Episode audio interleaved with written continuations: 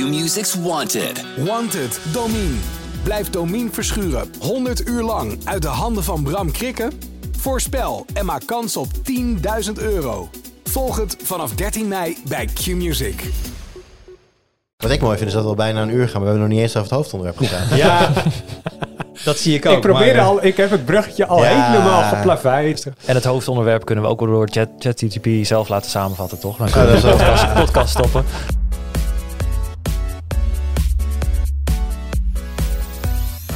Hoi, leuk dat je luistert. Welkom bij een nieuwe aflevering van de Tweakers Podcast. Mijn naam is Wout en vandaag zit ik in de podcast met Reinoud Dik, Hallo. met Jurgen Nuach Hey, hallo. en met Arnaud Wokken. Hi. Ehm voor mij heeft Jur het al een paar keer gezegd in de podcast, maar eh, wel meerdere mensen. En het is ook een discussie van de laatste tijd op de redactie. De hoeveelheid games die als ze uitkomen, brak en buggy zijn. En we hebben deze week weer een hele mooie aanleiding. En dat is de nieuwste eh, Star Wars game, Jedi, Survi- Jedi Survivor, waar ook heel veel op aan te merken is. Eh, maar dat is lang niet de enige. Dus we zijn ook een beetje in het archief gedoken om te kijken van welke games speelt dit nou nog meer bij. Ik ben, misschien herinner je nog een kleine game genaamd Cyberpunk, waar ook wel wat dingen mis mee Had, waren. had dingen, ja. Mm. ja, was dingen. Waar iets Kleine, met dingen had mee. kleine foutjes. Ehm, maar dat is best wel een, een, een nou, slechte ontwikkeling, denk ik, maar ook wel een, een ontwikkeling die het waard is om te bespreken. Laat ik het zo zeggen. Zo, Zeker, ja. zo, Zo, mooi. het waar, die het waard is om in een Tweakers podcast over te hebben. Eh, dus daarover later meer. Laten we even naar de, de post kijken, want man, man, man. Ja, niemand, niemand had iets te zeggen over de aflevering van vorige week. Maak een podcast niemand. over Jeetje. Linux. Arnold en ik laten jullie één keer alleen. Ja, Ik dacht, ik ga gewoon, ik ga ze allemaal bij elkaar zetten. Ehm, er waren nogal wat reacties over. En, en eentje die ehm, veel naar voren kwam, en we Mm. hebben hem even gequote, is er eentje van, eh, van Wesselsnaak. Die zegt, Richard Stallman heeft er een beetje een hekel aan als er over hem wordt gepraat wordt als een vechter voor open source software. Voor hem gaat het verder dan dat. Voor hem is het slechts een deel van waar hij voor strijdt. Hij strijdt namelijk voor vrije software. Dat is niet hetzelfde. Nou, het mooie is, zoals ik vorige week ook zei, ik ben de noob in deze discussie. Dus ik Mhm. heb hier niet eh, iemand fout gekarakteriseerd. Ik weet even niet meer wie het over Richard Stallman had. Maar meerdere mensen zeiden ook van ja, eh, door hem te zeggen, dit is een open source man, doe je hem geen recht aan. Mhm. Ehm, dus bij deze, waarvan akte, eh, dat, dat heb ik dan ook weer geleerd als, eh, Ja. als Windows fanboy en, ehm, en Linux noob. Ehm ja, sowieso wel leuk trouwens, dat iedereen in de comments, en dat gaan we niet allemaal opnoemen hier, maar eh, zoveel mensen die even hun persoonlijke Ja. Linux-historie gingen uit. mooi hè? Er werden hele boekwerken geschreven. Echt jongen. leuk. Van mensen die meteen in de jaren 90, ja, ik begon met dit en toen dat en toen dat distro's. En dan komt wel weer terug wat, wat ook dis- eh, discussie in de podcast terugkwam. Zoveel mensen, zoveel wensen. Want Ja. nee, deze moet je hebben, deze moet je hebben. We hadden een, een, een review van Ubuntu. Met, ja, nee, maar Ubuntu is niet meer boeiend tegenwoordig. Want je moet deze distro hebben, want ik gebruik die distro. en Ja. dat is zeg maar het hele punt. Eh, dat iedereen zijn eigen, zijn eigen dingen heeft. Ehm, er was nog eentje naar mij gericht. Mhm. Want ik eh, serveerde Darktable af, omdat ik zei, dit is niet een goed eh, foto slash eh, beheerbewerkingsprogramma in één. En dat laat zien dat de Linux Unix filosofie niet bij iedereen direct aanslaat. Dat zei eh, 84 Hannes. Ehm, en wat is de filosofie namelijk? Make each program do one thing well. To do a new job, build it fresh, rather than complicate old programs by adding new features. Ja, disagree, dus bij mij slaat het niet aan. Nee, want ik vind op zich zeggen dat Lightroom twee dingen wil zijn. Ik vind wel je foto's beheren. Ik ga ergens heen met mijn camera en ik schiet daar foto's Mhm. en die wil ik gaan bewerken. Het feit dat ik ze dan moet importeren, die raw files, dat ik moet cureren, selecteren welke ik wil houden en dan gaan editen, dat voelt voor mij niet als twee verschillende losse dingen. Dat is één workflow. Ja, Dus ik vind die workflow binnen één app thuis wel. Ik vind op zich het eh, credo make each program do one thing well en ga proberen niet één programma te maken dat duizend dingen doet. Daar ben ik het helemaal mee eens. Alleen in dit geval vind ik dit wel bij elkaar horen. maar stel je voor, je hebt een edit video, even een ander voor je video editing pro- programma, maar om de audio in de video goed te krijgen, heb je een ander programma nodig, want het is video editing, niet audio editing of zoiets. Dan denk ik van ja, Dat is letterlijk hoe wij video's en audio editen. ja dat is dus omslachtig, dat, is- dat is dus niet goed.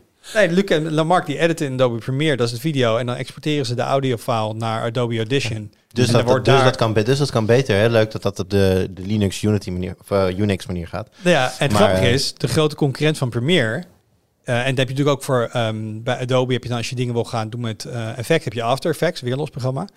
En de opkomende concurrent nu een beetje is van eh eh, Blackmagic... is DaVinci Resolve. Ja. En in DaVinci zit zowel eh, importeren, video knippen... alle effecten, color grading, audio editing, motion graphic, die gooi je het inderdaad allemaal bij elkaar. Dat is dus niet volgens deze filosofie. Aan de andere kant, het programma wordt wel steeds, steeds meer rete populair. Dus ik Ze- denk, ze voor de goed. gebruiker is dat wel... Ze doen iets goed. Als die populariteit toeneemt, dan is daar behoefte aan blijkbaar. Ja, dus misschien is dit het, ehm, het, de Linux-filosofie. Maar ik kan me ook voorstellen dat sommige mensen gewoon het wel fijn vinden als alles bij elkaar zit. Als het wel iets met elkaar te maken heeft. Ja, maar je hebt toch ook wel vaak gezien in de, in de historie van computerprogramma's, br- browsers, maar ook mailprogramma's, die, waarin de functies dan vermeerderen, zeg maar. En steeds wordt er weer iets toegevoegd. De, de, de, de- je mailprogramma doet dan RSS-feeds en doet dan dit weer en dat weer. En denk Ik je, heb denk ik een beter voorbeeld. Oké. Het, mijn allerslechtste voorbeeld ervan, Facebook. Hmm. Ja, dat, nee. deed één, dat deed één ding goed. En dat was gewoon een tijdlijn met posters. Nee. Maar als je op een gegeven moment ziet wat daar allemaal voor functionaliteit in is gekomen. Ja je kan- en nee. Maar Facebook kan je toch niet als programma omschrijven? Is Nee. een platform. En bovendien, Dat is software met een interface waar ik dingen in kan doen. nee. Ja. nee, ik ben het hier compleet mee oneens. Lekker. Eh, want eh, Facebook is een sociaal netwerk en, eh, en moet gebruikers trekken en blijven trekken. En de gebruikers bepalen ook wat het nodig heeft door wat zij maken populair, wat er, Ja. hè, wat erbij komt. zeg maar. En als er niks bij komt, dan sterft een sociaal medium. Dat is gewoon hoe het is. Je kan niet zeg maar zeggen, oké, ik heb Alle Facebook mensen gebouwd die in op IRC 2006. zitten, Het zijn heel bestaat nog in 2023. Dat is geen ding. Zelfs Be Real is alweer aan het, aan het afnemen in populariteit. Naar het schijnt, of het vlakt in elk geval af. Hoe je het ook ziet. Omdat ze afgelopen jaar zo vrek te weinig hebben toegevoegd. En dus wordt het saai. En dus wordt het saai en gaan gebruikers ergens anders heen. En daar hebben eh, programma's als een mailprogramma eh, of, of een foto-editing-programma hebben daar geen last van. Want als jij je foto's wil editen, ga je niet switchen van programma. Daar zit namelijk echt wel een, een soort van mentale Nee, kost in. hebt- omdat, En je hebt gewoon een doel om te bereiken. Het is heel Ja. functioneel inderdaad. ja. Eh, Oké, nee, nee.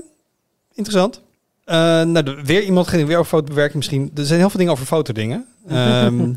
Eh, nou, ook eentje die echt heel makkelijk kunnen inkoppen. Heb je nog steeds een losse camera bij jullie gear zitten? Of maak je je telefoon eh, alleen maar foto's met je telefoon? Nou, is dit weer het moment waar ik weer ga zeggen dat losse camera's heel tof zijn. En de rest zegt, geef mij maar een telefoon. Dat is dit moment, hè?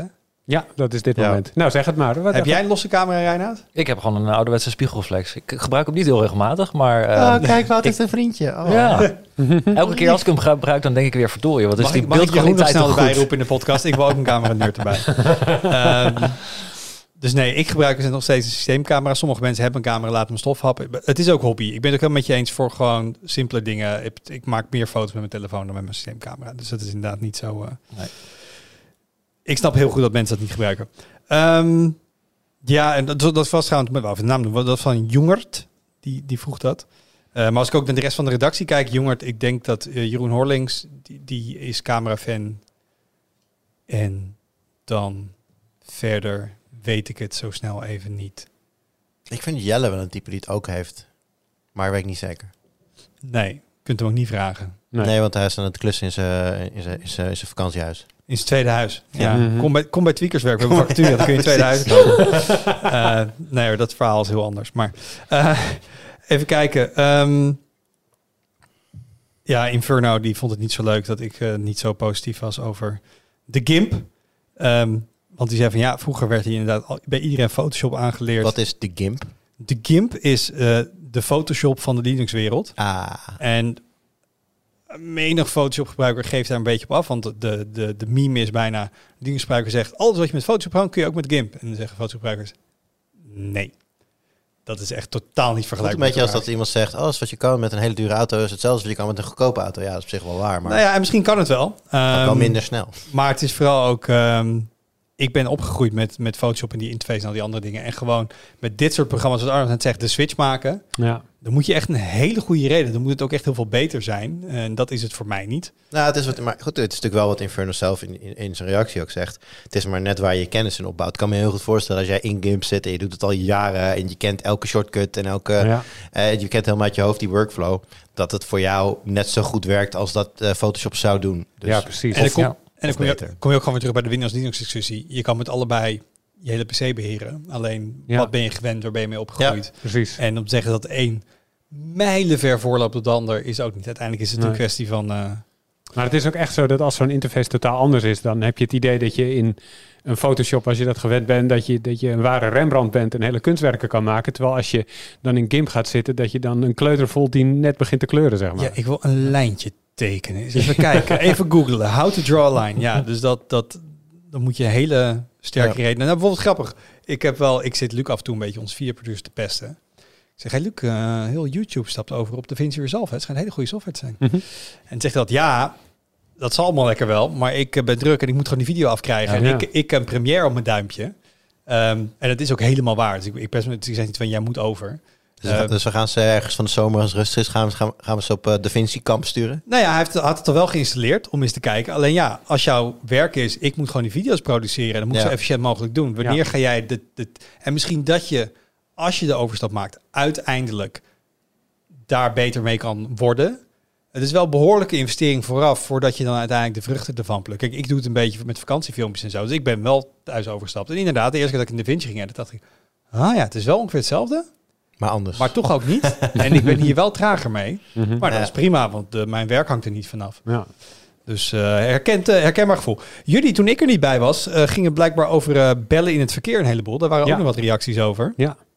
En misschien kun jij er nog even op, eh, op in, eh Arnoud. Ja, klopt. Ehm, eh, ik ben vergeten erbij, erbij te zetten van wie deze reactie is. Sorry. Maar dat was aan mij gericht. Je werd al een beetje gecorrigeerd, maar het gesprek voeren is wel echt het gevaarlijke deel van bellen in het verkeer. Er stonden ook een paar linkjes bij. En diegene die, eh, die, die heeft eh, inderdaad gelijk. Dus ja, handsfree bellen is de lesser of two evils. Eh, zegt hij. Ehm, eh, en, en ja, daar, daar kan ik het alleen maar mee eens zijn. ja, Het dus als je met een zo. carkit in een auto belt, is nog steeds je aandacht verdeeld. is een beetje het punt, zeg maar, Ja. over autorijden en bellen. Ja, maar het punt Ja. is natuurlijk dat je, je moet een handhaafbaar beleid hebben. Dat bleek ook deze week weer toevallig, want toen kwamen de cijfers naar buiten over hoeveel mensen beboet zijn voor. En dat heet dan op mainstream site appen in het verkeer. Ik zie je gezegd al bijna wegtrekken, Ja.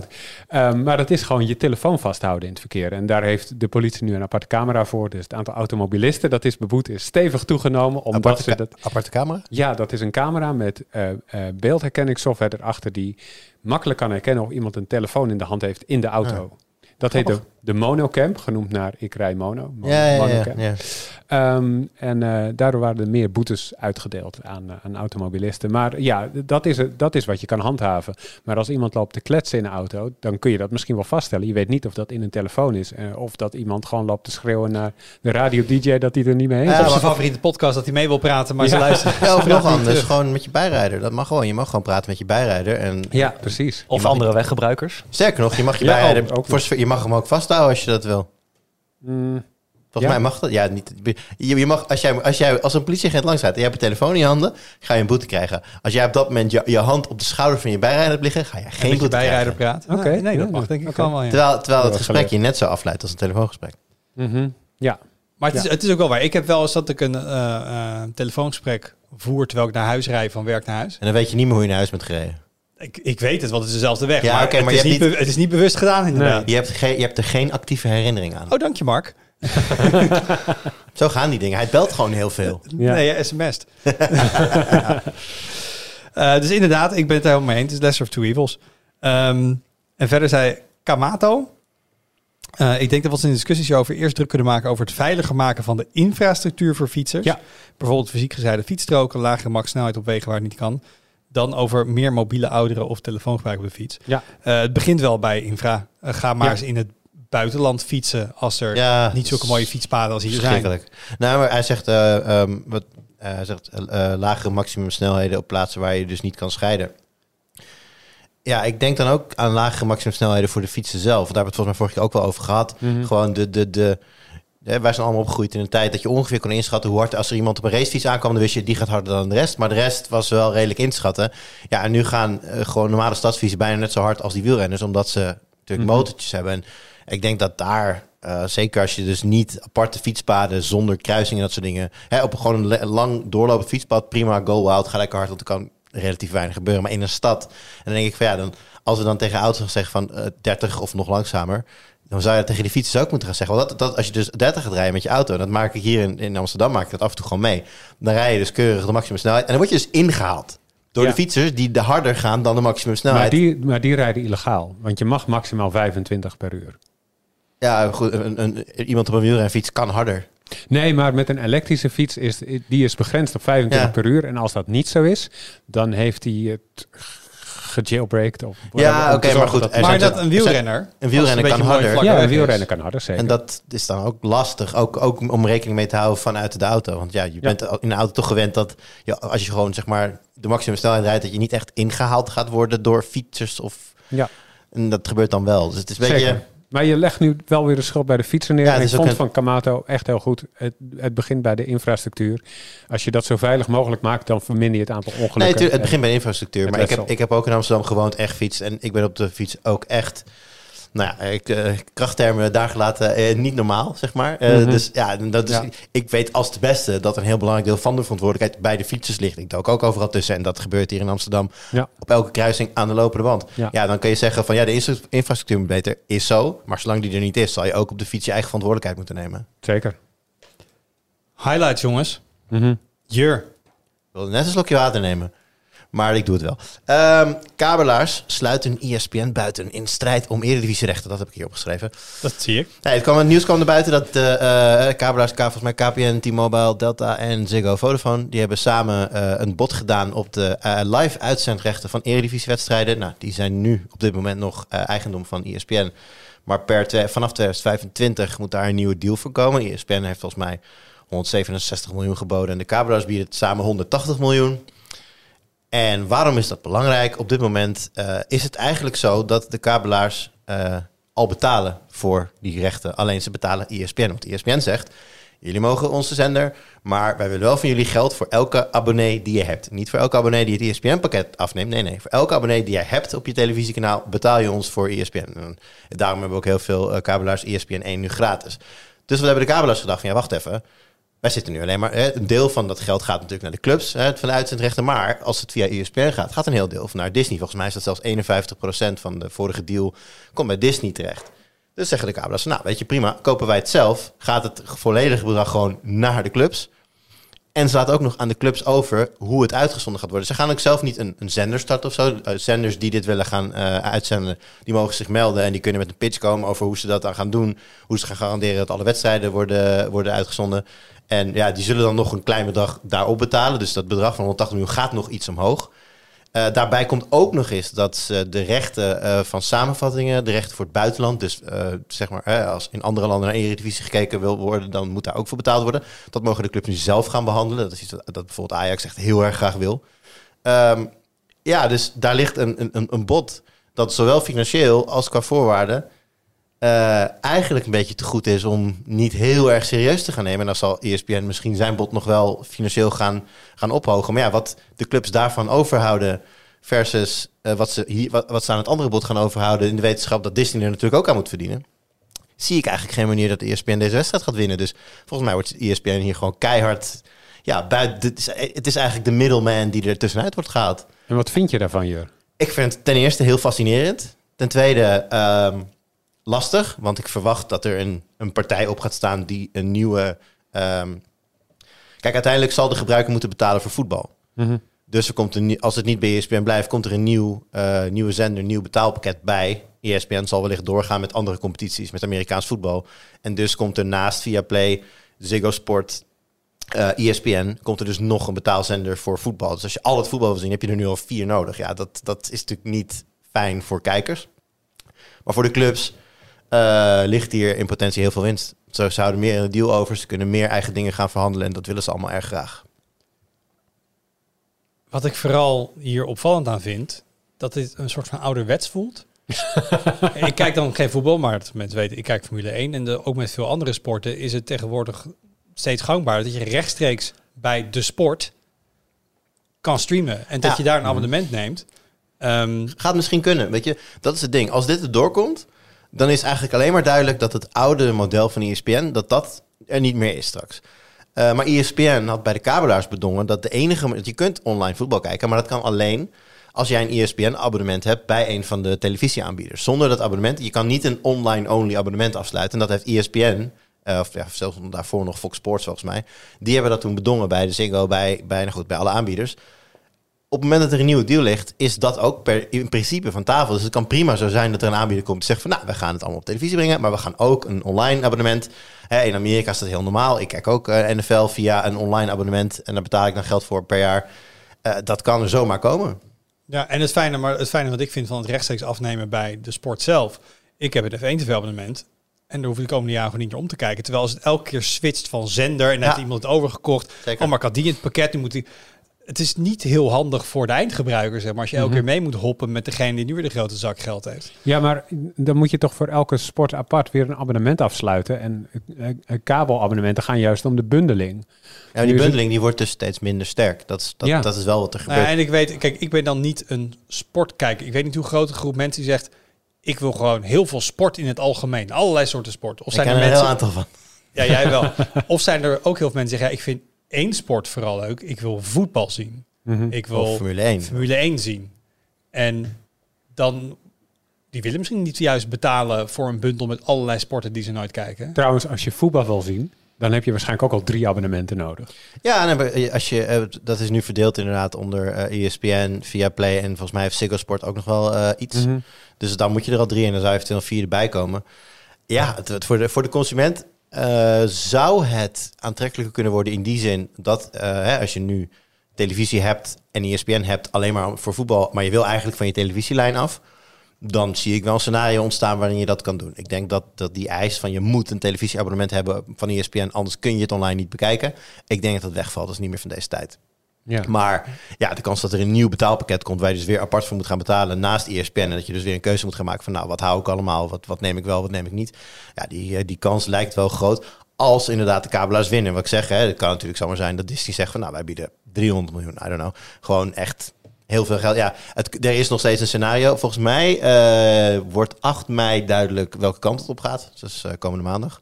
Mhm. En dan, eh, dan weten we meer. Maar eh, ja, als, eh, als de kabelaars winnen, dan wordt het daarna interessant om te zien welke partij dus de uitvoering daarvan gaat doen. Want de kabelaars hebben al gezegd, wij gaan niet met elkaar een, een productiehuis beginnen of zo. Dus dat, dat, dat gaan ze niet doen. Dus, dus de, de- ja, de RTL's van deze wereld die kunnen zeggen, nou, wij willen het wel maken en daar moeten ze dan iets voor gaan betalen. Maar ja, daar zal dan weer een nieuw betaalpakket uitkomen. En dan mag jij weer nieuws en erbij nemen. Ja, dus dat, eh, dat is even afwachten hoe het allemaal gaat. Nee, en en ja, als het dan inderdaad wel online only kan, dan verwacht ik eigenlijk dat er best wel veel mensen zijn die nu eigenlijk alleen nog maar televisie hebben voor het live voetbal, omdat het nou eenmaal nodig was. Nou, zie ik zo zie ik goed gebeuren dat die denken, oh, dan ga ik lekker online, klaar. Lekker Ja, streamen. Ja. Reinoud. Ja.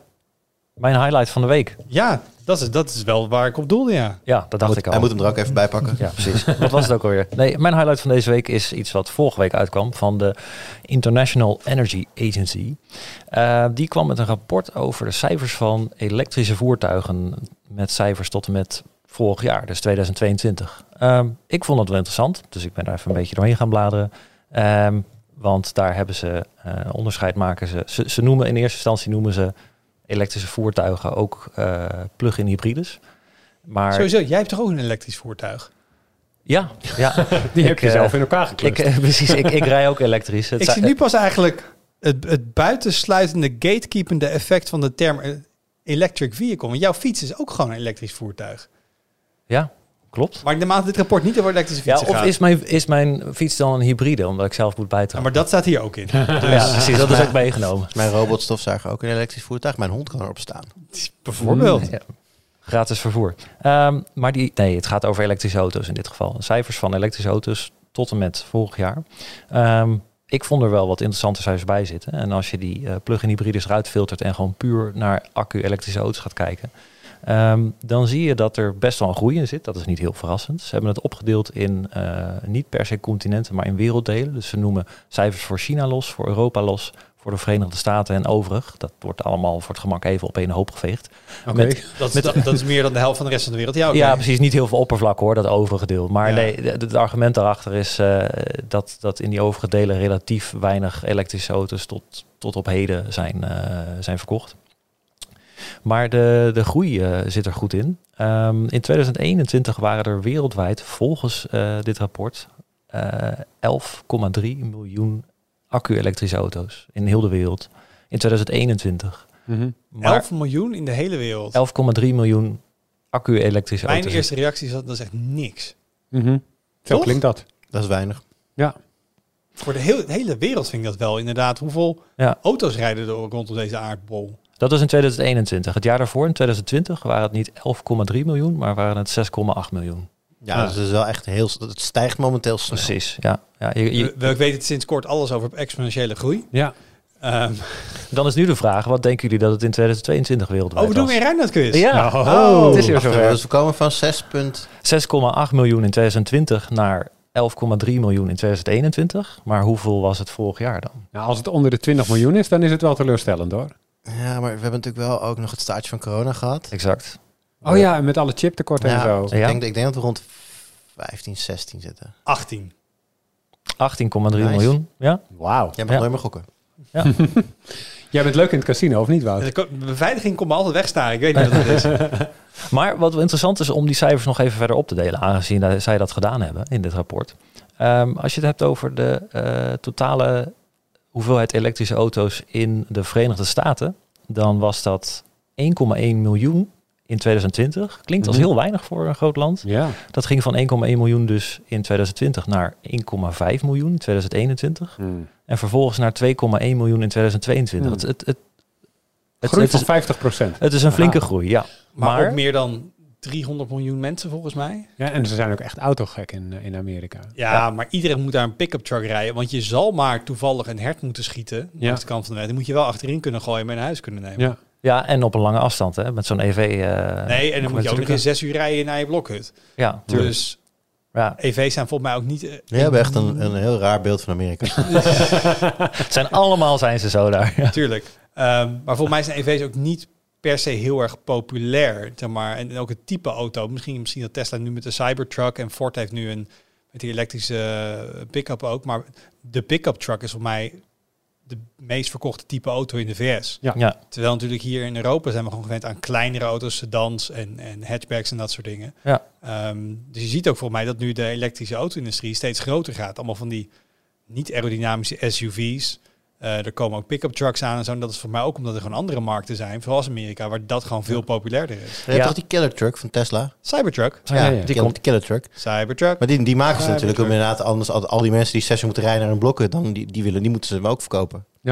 Moet je er wel een ruitenwisser op zetten trouwens, maar dat terzijde. Nee, nee, die zit erop. Nee, Oh, die zit hele erop? grote. Oh, het Eén is hele één grote hele mega wiper. nu. Ja. Maar voor mij had uh, Elon Musk inderdaad wel laten zien, als je hiermee gaat kamperen, dan kun je de achterklap uit, klep uitklappen en dan kun je er allemaal dingen op aansluiten in een outdoor kitchen, weet ik niet wat allemaal. Dus dat is inderdaad wel waar ze op, op mikken. En gewoon een, een, een Model 3 of zo, ja, ik met die hallo, daar past niks in. Nee, nee, dat is waar. Maar goed, eh, ja, ik denk ook dat de andere fabrikanten dan Tesla, die, die als een gekke pick elektrische pick-up trucks zijn gaan uitbrengen, dat die dat ook deden, omdat ze gewoon niet echt raad wisten met eh, hoe, hoe ontwerpen we eigenlijk een elektrische auto. Laten we deze pick-up hergebruiken. We knallen er een, eh, wat was het, 230 kilowatt eh, uur accu in, je in, hebt in wel zo'n wat meer ruimte in zo'n ding, Mhm. ja. Ja, nou ja, goed, ja, ja. Ja, je hebt meer ruimte, dus je kunt er een super zware accu in stoppen. Je kunt van, van, van die hoeveelheid lithium kun je ook gewoon vier personenauto's eh bouwen, zeg maar. dus, eh, maar goed, ik wil er nog even door met die cijfers, want dat was de VS. In Europa was het eh 1,8 miljoen EV's in 2020, 3 miljoen in 2021 en vervolgens 4,4 miljoen in 2022. Dus die Oh, groei, Europa. de groei in Europa is groter. In eh, de VS, wat ik net noemde, was het 40 eh, van, twee, van 21 naar 22, eh, die, eh, van 2021 naar 2022, sorry. En het was eh 47% groei voor, voor Europa in diezelfde periode. Maar je had ook cijfers van, van China. Want als je kijkt, waar Ja. komen nu alle nieuwe automerken vandaan en waar komen alle nieuwe EV's vandaan? Precies. allemaal China. Dit was de build-up inderdaad naar Oh, waar de grootste groei is. In 2020 waren er 3,5 miljoen EV's in China. 6,2 in 2021. 6,2 miljoen dus. En 10,7 miljoen in Kijk. 2022. En dat is een groei van 73% Dus die groei is in China wel echt het grootste. Ja. Ja. Nou, en dat komt allemaal hierheen. Ja. Nou ja, eh, dat komt ook Allemaal, hierheen. Maar Het, het- het is ook vrij populair nieuwe- daar. De hoeveelheid nieuwe merken die je hier tegenwoordig ziet. Het is best Ja. een stuk logischer dat Tesla daar een eh, fabriek heeft geopend. Toch wel, hè? Ja, hè? Ja. Een grote afzetmarkt. Ja. Ja. Nou, het- het schijnt ook dat er heel veel elektrische auto's in, eh, in China zelf eh, verkocht worden. Dat het ook heel populair is en dat er ook allerlei eh, incentives en eh, subsidies voor zijn. Omdat eh, dat je eerder een kenteken kunt krijgen als je voor een elektrische auto gaat. Dan, of dat je überhaupt kans maakt op een kenteken. Ja, Als je meer, een EV meer gaat. op een populatie van een miljard valt het minder snel op. Als er een paar miljoen Ja, rondrijden. kans, sorry, kans maakt op een kenteken, wat moet ik me daarbij voorstellen? er zijn bepaalde steden waar je ehm, niet zomaar een auto kunt kopen, omdat ze los van overbevolking willen zorgen dat niet een hele stad vastloopt. Waardoor ze dan dus niet. Weet je, zoals met parkeervergunning in. Amsterdam. Ja. Ja, Een autovergunning. Kan je een spelshow van maken? So, Gefeliciteerd, you think you can kenteken. Maar goed, we weten allemaal waar dit heen gaat, Reinoud natuurlijk. Want eh, de benzinemarkt die begon als een grote, grote appel. En er worden constant hapjes uitgenomen. En over 10, 15 jaar is er alleen een klokhuisje over Ja, natuurlijk. ja, en het schijnt ook dat in eh, recente autobeurzen in China die er zijn geweest, dat daar eh, de, de Europese fabrikanten of de, de legacy fabrikanten van de verbrandingsmotoren die daar staan, dat die eh, relatief weinig aandacht kregen Ja. van, het, eh, van het publiek daar. Dus eh, Mhm. dat zegt al een hoop. Ja, maar als je met zo'n auto weinig kans hebt op een kenteken, dan... eh door, je moet die spelshow wel winnen natuurlijk. Ja, Ja, En ik, eh, en, ik, en ik denk dat verbrandingsmotoren blijven, vooral bij zo'n autoshow, als er weet ik veel, een, een nieuw sportmodel eh, Ferrari staat of zo met een V12. Dat, dat vinden mensen nog steeds wel leuk, denk ik. Maar gewoon, hé, hey, we hebben hier een, eh, een, een familieauto van zo'n 25.000 euro en er zit een benzinemotor. Ja, daar, daar kun je gewoon heel lastig mee komen aanzetten. ja zeker. En op termijn zal het denk ik ook echt zo zijn hoor. Ik bedoel, we vinden nu eh, paardrijden ook een hele mooie sport. Maar ik bedoel, ik ben hier, eh, ik, ben, ik, ik ben op een andere manier naar, naar kantoor gekomen hier. Dus eh, op termijn zal het denk ik met, eh, met verbrandingsmotoren ook voor, voor oldtimers. Eh, exa- je hebt nog steeds hele normale mensen. Volgens mij een of andere meneer in Engeland, die gaat het weekend ook met een hele mooie koets en paarden, gaat hij een rondje rijden in Londen. Dus eh, dat, Heel dat, gewone man. Ik, ik, zie nu dus, ik zie nu dus de A1 voor me, maar dan rijdt iedereen op een paard. Mhm. met koetsen ook. Nee, nee, nee, nee, want dat is weer file. Nee, gewoon Oké. alleen paardrijden. Dan kun je gewoon een beetje Oh, zo... ja, kan je doorrijden ook. Ja. Kun je door. Gewoon, gewoon compleet, eh, gewoon de, de dagelijkse forensische migratie, maar dan te paard. ja. Dit is echt een awesome prompt voor iets als Midjourney of zo. Van teken een highway, maar instead of cars put it full. Ja. Wie gaat het even doen en in de comments zetten? Mm. Nice. Dit is wel mooi tegenwoordig. Jij zegt, ik zie iets voor me. Laat een AI het genereren. Ja, Ja. Ik heb die AI in mijn hoofd. Maar Ja. Mm. Eh, Arnoud. Ja, Ja, ik heb een, eh, een, een paar dingetjes. Ten eerste gewoon een klein dingetje eh, van mijn vakantie waar ik eh, tegenaan liep. Ehm, it- it- Een muur. nee, Oh.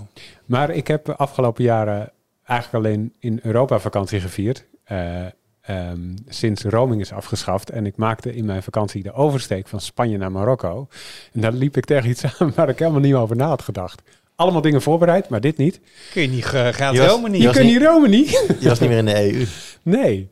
Dus ik kreeg ook, ik was lekker bezig. Ik had gewoon Google Mapje openstaan en dingen zoeken en weet ik wel wat. En toen was het ineens, je zit op 80% van je limiet, vriend. Toen dacht ik, Nee, maar je hebt natuurlijk eerst het sms'je gehad. Welkom in Marokko. Je gaat hier heel veel geld Zeker. eh, betalen. En Nee, die heb maar- jij genegeerd. ik negeer die sms'jes, want die krijg ik in elk land. Ja. Het- Je, je, Ja. je kan nauwelijks bij de grens komen of je, of je krijgt het al. Maar eh, dit was gewoon, eh, welkom in Marokko. Nou ja, ik denk, oké, leuk. Ik zit op, dat zie ik als signaal van, je zit op, zit op een Marokkaans netwerk. Nou, dat is prima. Want je maakt de oversteek, je zit op zee... en op een gegeven moment krijg je het netwerk van het land waar je wil aankomen. Dat, goed nieuws. Eh, ja, en toen eh, liep ik kanijterhard tegen mijn limiet aan. Niet meer rekening mee gehouden. Geen idee Dus hoeveel geld het kost. toen moest je megabytes bijkopen in je bundel. Ik Dat heb, deden we vroeger toch? ik heb Ja. gewoon alles uitgezet. Oh ja, ik ben dus recentelijk nog naar, eh, naar San Francisco geweest. Ja, in Amerika is het natuurlijk nog steeds gewoon dat je dat moet doen. Mhm. En mijn, eh, mijn eh, telefonieaanbieder die had gewoon keurig netjes een, een, een, een, een echt specifieke Amerika-bundel voor een best wel oké prijs, geloof ik. Oh, nice. Vijf, vijf gig of zo voor een paar tientjes. Dus nou, vond ik best oké. Ja, jij, jij was natuurlijk een paar dagen. Ja, Niet heel lang. Als ik wat, eh, iets van een week of langer, dan doe ik tegenwoordig gewoon een e-simmetje. ja, ja. Ja. Een download, dat vind ik super handig. Ja, maar ik moet zeggen, Voor, voor, voor, ik had, wat ik had dus ook gezegd, ik had vijf gig en dat bleef dan een maand gelden of zo. En dat kostte me, ik denk, even uit mijn hoofd, drie tientjes. Oké, dan is misschien, dan is misschien het simkaartje met een, met een lokale bundel nog net goedkoper, maar het scheelt niet zoveel meer dan. Nee. Vijf, Nee, vijf, vijf gig is legit wel als je niet filmpjes gaat kijken of hele grote dingen gaat downloaden. Is het echt wel gewoon genoeg om een week Ja. of zelfs twee weken. eh, als je gewoon maps, dingen opzoekt, dat soort dingen, eh, mail, eh, ch- chat-apps. Nou, dan heb je een vijf gig echt wel genoeg om twee weken eh, ergens rond te lopen. ik Ja. weet niet. Je hebt T-Mobile toch? Ja. Oké, nee, ik had toen naar CS ging begin het jaar had ik de vergelijking gemaakt tussen T-Mobile en eh, wat heb je uiteindelijk genomen met die eSIM? Holafly. Geweldig. ja, weet ik wel. Ho- Klinkt Hola, goed. Hola Fly. Ja, maar dat was dus uiteindelijk wel, ehm, wel goedkoper. Gewoon even iets met je Mhm. downloaden. chill. Ja. Maar dat was, dat was een klein even, ja, even ja, ik vond het gewoon verbazingwekkend. Want ooit was ik hier heel goed en, en wist ik tot op de kilobyte nauwkeurig wat elke applicatie verbruikte, omdat ik roaming zo gewend was. En nu ben ik dat zo ontwend dat ik er niet eens meer over nadenk. Ehm, dus dat vond ik opvallend. Maar eh, iets, iets wat uit het nieuws kwam en wat ik ook opvallend vond, dat gaat ook wel een beetje over reizen. Althans, daar kan je het aan linken. Eh, Google en Apple hebben weer eens de handen ineen geslagen voor een standaard op het gebied van Bluetooth. Niet echt een standaard nog. Een, een, een voorgestelde specificatie. Eh, dat gaat over Bluetooth trackers. Ehm, eh, zoals AirTags en SmartTags van Samsung en Tiles en dat soort dingen. En eh, wat daar nu mee gebeurt en waar ze mee in maag zitten, is dat mensen die gebruiken om andere mensen te stalken of te volgen of eh, anderszins. En eh, om dat te voorkomen, komt er dus die specificatie die regelt dat je op het moment dat jij een tijdje zo'n tag in je buurt hebt, zonder dat je de eigenaar bent, dat hij dan dat laat merken. Dus dat hij laat merken dat, dat hij in de buurt is van jou. Ehm, en vervolgens dat je ook geluid kan laten afspelen om hem te vinden.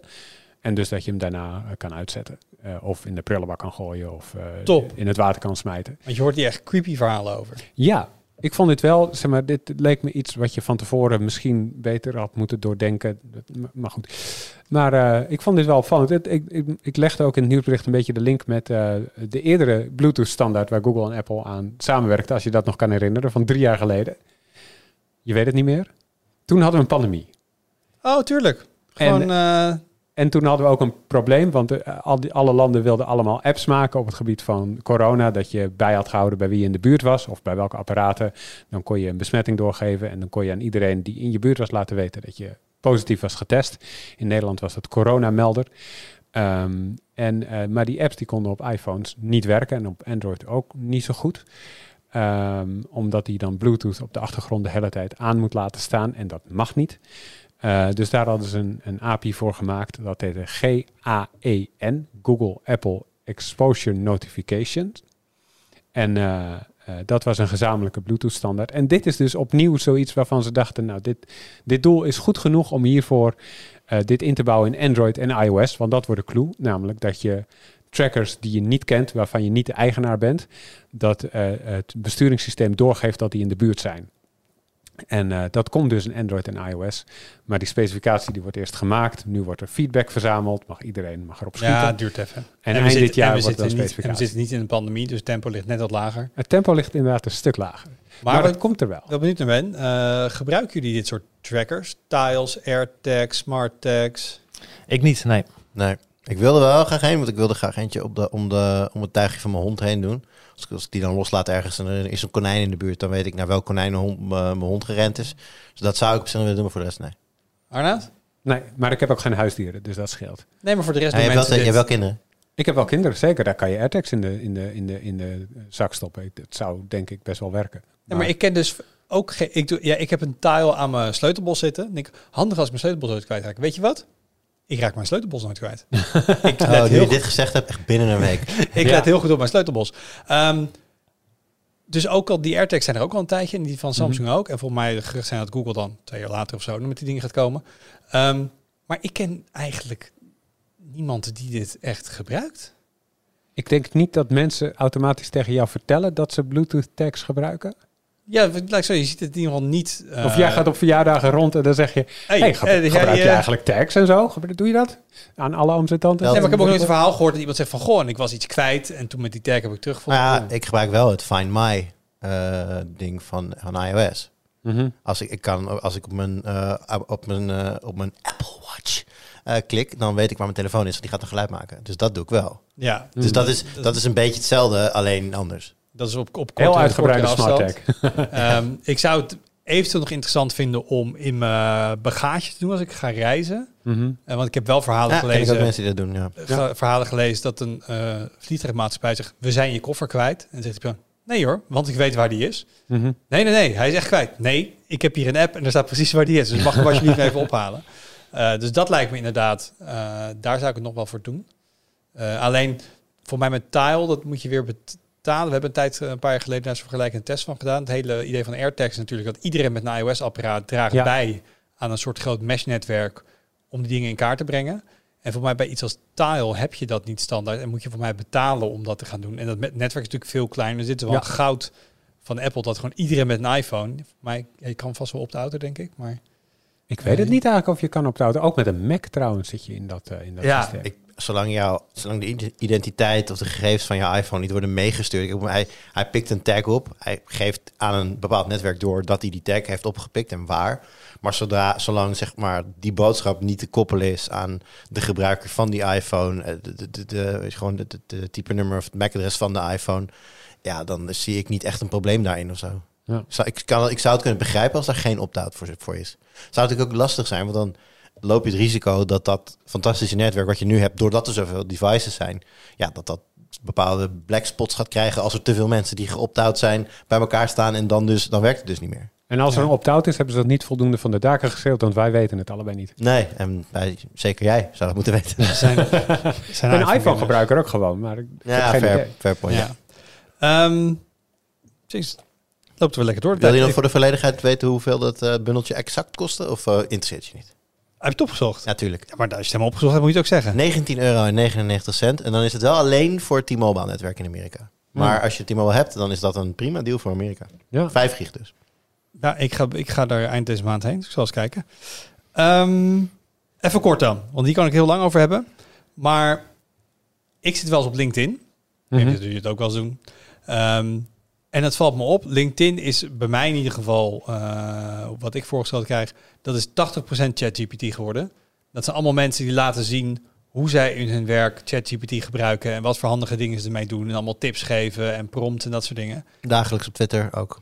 Ja, en ik schrik een klein beetje van hoe rukzichtloos en zonder enige, ja, ja, ja, gewoon enige zorgen of, of nadenken lijkt het wel. Mensen zitten nu echt voor allerlei dingen aan het gebruiken zijn. Nou, er zitten ook dan hè, eh, journalisten die ik eh, heb op LinkedIn, of eh, misschien al copywriters of marketeers. Ja, nee, maar je kan gewoon koppen laten schrijven en je kan artikelen laten schrijven en dit, alsof het de normaalste zaak van de wereld is. Mhm. Dus ik denk, hallo, moeten wij niet even pas op de plaats maken? Moeten wij niet eerst een discussie met elkaar hebben van, is dit wenselijk? En vooral als het gaat echt om artikelen. Mhm. Ik, heb, ik heb collega's journalisten lijstjes van, dit zijn de top vijf manieren een journalist ChatGPT kan gebruiken. En dan, ja, een headline voor je bedenken. Ja, ik snap dat dat kan, maar dan ga je dus een headline publiceren ergens die uit zo'n algoritme komt zonder dat je dat vertelt tegen je lezer. Ik zeg maar, wij hebben hier op de redactie ook discussies over gehad, recentelijk nog. En ik ben er ook van overtuigd dat hier heel veel dingen mee kunnen. Maar op dit moment weten we nog niet hoe het werkt. OpenAI is tegenwoordig niet meer echt open. Closed AI. Ja, ehm, je weet ook niet. We weten allemaal dat het hallucineert. We weten dat, het, dat je ook niet altijd op kan vertrouwen. En gewoon, het lijkt wel alsof mensen als een stel exters die iets glinsterends zien, gewoon als, als, als een malle daarmee aan de haal Ja, gaan. we, zonder... we willen allemaal de magie beleven. Ja. Ja, maar doe dat dan lekker hobbymatig. Maar doe Of doe dat in Disney. Be- bijvoorbeeld. maar de hoeveelheid mensen die zeggen van... ik ben dit nu in mijn werk aan het toepassen... en ik ben niet echt aan het denken over ethiek... Mhm. over morele overweging erbij... of transparantie en zo. Ja, ik moet zeggen dat ik daar gewoon een beetje van schrik. Oké, ik dacht dat je een heel andere kant op zou gaan met, eh, met dit verhaal. Maar het gaat je echt om de kant van pas op de plaats maken... omdat we nog niet hebben uitgevogeld hoe we dit ethisch moeten inzetten. Precies dat. Maar waar dacht jij dat ik heen ging? Ik dacht dat je heen ging naar eh, mensen die klakkeloos interne informatie Ja, in ChatGPT plakken. Gevoelige informatie. Dat is ook niet handig. En daardoor krijg je Nou, steeds meer bedrijven... waarvan je hoort van jullie mogen het niet meer gebruiken. Wij weten dat dus niet. Kijk, toen, toen 3 of 3.5 online was, was van ja, eh, ik sla, niks, ik sla niks op, ik leer niet echt, ben gewoon een, een, Maar inmiddels eh, zijn we wel veel verder en worden, worden gesprekken opgeslagen en ont- kunnen ze ook onthouden waar je het eerder over hebt gehad en kunnen ze dingen in context plaatsen. Dus wordt er wel degelijk iets gedaan met die informatie die je achterlaat.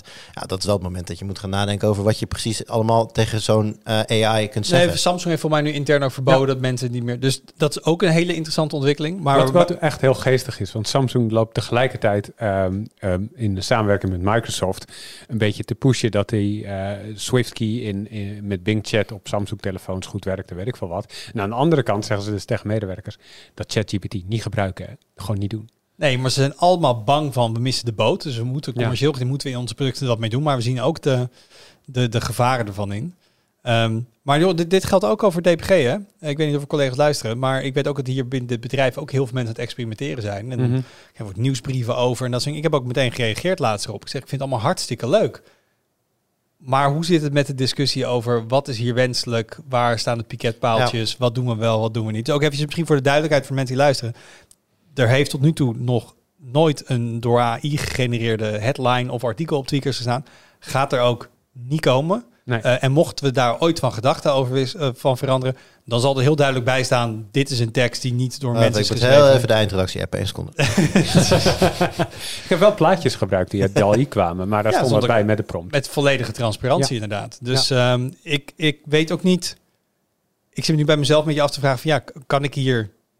Moet ik bij al die mensen op LinkedIn een comment gaan achterlaten van: God, denk je eens over na of zo? Van, Hm? ik kan me er wel druk over maken, maar moet je een actie ondernemen? Maar Maar, zo- dit voelt ook weer iets wat groter moet zijn of zo. maar als tegenvraag, hè. neem bijvoorbeeld een kop als voorbeeld. Wij hebben, eh, wij hebben in ons Slack hebben we een apart kanaal waarin we met elkaar brainstormen af en toe over koppen. En soms komen we daar gewoon niet lekker uit. Dus soms zit er een duidelijke winnaar tussen, soms is het van eh, en dan kiezen we een van de beste zeventjes, zeg maar. Als je nou letterlijk gewoon die case neerlegt bij Chat, ChatGPT en hij komt daadwerkelijk met een goede suggestie waarvan allemaal vindt, oh, dat is eigenlijk best wel goed. Is dat verwerpelijk? Niet per se, maar ik vind als je dat doet, dan zou je wel eh, erbij moeten zetten waar die kop vandaan komt. Al Waarom? is het een klein eronder. Ja, omdat hij heeft, uiteindelijk heeft die AI woorden op een bepaalde volgorde gezet. En je hebt als redactie met elkaar gezegd van... Oh, dat heeft hij best wel goed gedaan. Laten we dat gebruiken. Waar zit, waar Ja, zit, waar zit, gevoels- waar zit de gevoels- must om dan... Gevoelskwestie, Dus, dus dan moeten we ergens in de tekst of onderaan de pagina van mijn part zeggen... Kop is gesuggereerd door ChatGPT en overgenomen door de redactie. Ja, Ja, Dat, dat, zou je is dan, precies, dat zou je dan dat is moeten precies het ding hier. Ja. Ja, dat gaat mij dus volledig... Kijk, op het moment dat je nou een hele tekst laat... denk ik van ja, dat, dat is niet netjes. Maar je hebt het over de kop en je gaat, je gaat brainstormen. En het enige wat je extra doet is in plaats van dat je met zes eh, redacteuren gaat brainstormen... doe je het met zes redacteuren en een AI. En de AI blijkt te winnen. Ja, maar er, staat een artikel. Stel je voor, het gaat om een game review van jou. Wat er ge- gewoon kan. Eh, je, die- die- er komt een verhaal aan over Jedi Survivor. Uh, Mhm. Stel je voor, ChatGPT heeft daarvoor echt een killer kop bedacht.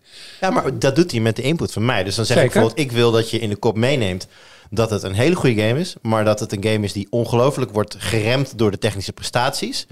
En weet ik veel, dat het er verder wel goed uitziet, maar dus wel heel haperend. Weet je wel, heel warrig instructies. En dan ga je gewoon bijschaven.